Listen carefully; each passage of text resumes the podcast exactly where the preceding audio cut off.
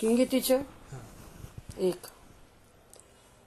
दूसरा है अनिदिताम हलुब्धाया किंगिति जो अनिदित धातु है, उनकी उपधा का लोप करना किदगित प्रत्यय पर होने पर।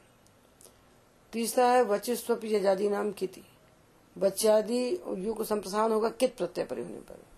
अग्रहित ज्या वही व्यधि वष्टि विचति विश्चति प्रच्छति भजिति नाम गीति च इनको संप्रसारण होगा कित तो गित प्रत्यय पर होने पर। कितने हो गए? चार। इसके बाद ऋतित धातु हो। दीर्घ री है तो उसको इर बना देना। उदोष्ठ पूर्वस्य यदि ओष्ठ व्यंजन पूर्व में है तो उर बनाना। और फिर हली आगे हल है तो दीर्घ कर देना। तीर्ण। तीर्णवान। पूर्ण। पूर्णवान। तीर्ण, जीर्ण, शीर्ण। पूर्ण, वूर्ण, भूर्ण, मूर्ण। ओष्ठ व्यंजन है तो उर कर देना। ठीक है? और अचिष्ण धातु भ्रुवाम योर यंग वंग। यदि अंत में ई है तो यंग बनाना ऊ को उंग बनाना बशर्ते आगे आज़ादी किदगित प्रत्यय है। तो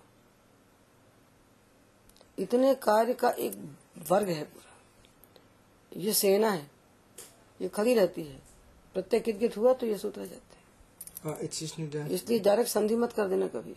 नू के बाद इष्यति आया तो नू है कुटादि धातु। कुटादि होने से इष्यति प्रत्यय जो था ये गित हो गया। जब गित हो गया तो आज़ादी है और नू के अंत में ऊ है तो अचिष्णु आ जाएगा।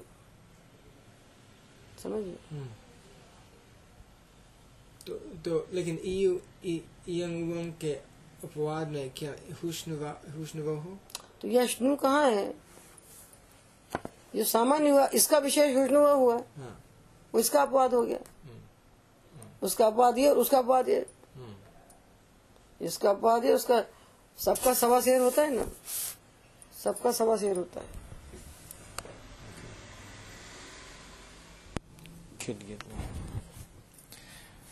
ये सात आठ सूत्र एक साथ लिख लो।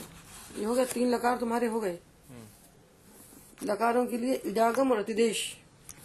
दो को जानना चाहिए। दो एक तरफ़ इडागम देखो एक तरफ़ अतिदेश देखो। फिर अंग कार्य करो। कभी गलत नहीं होगा।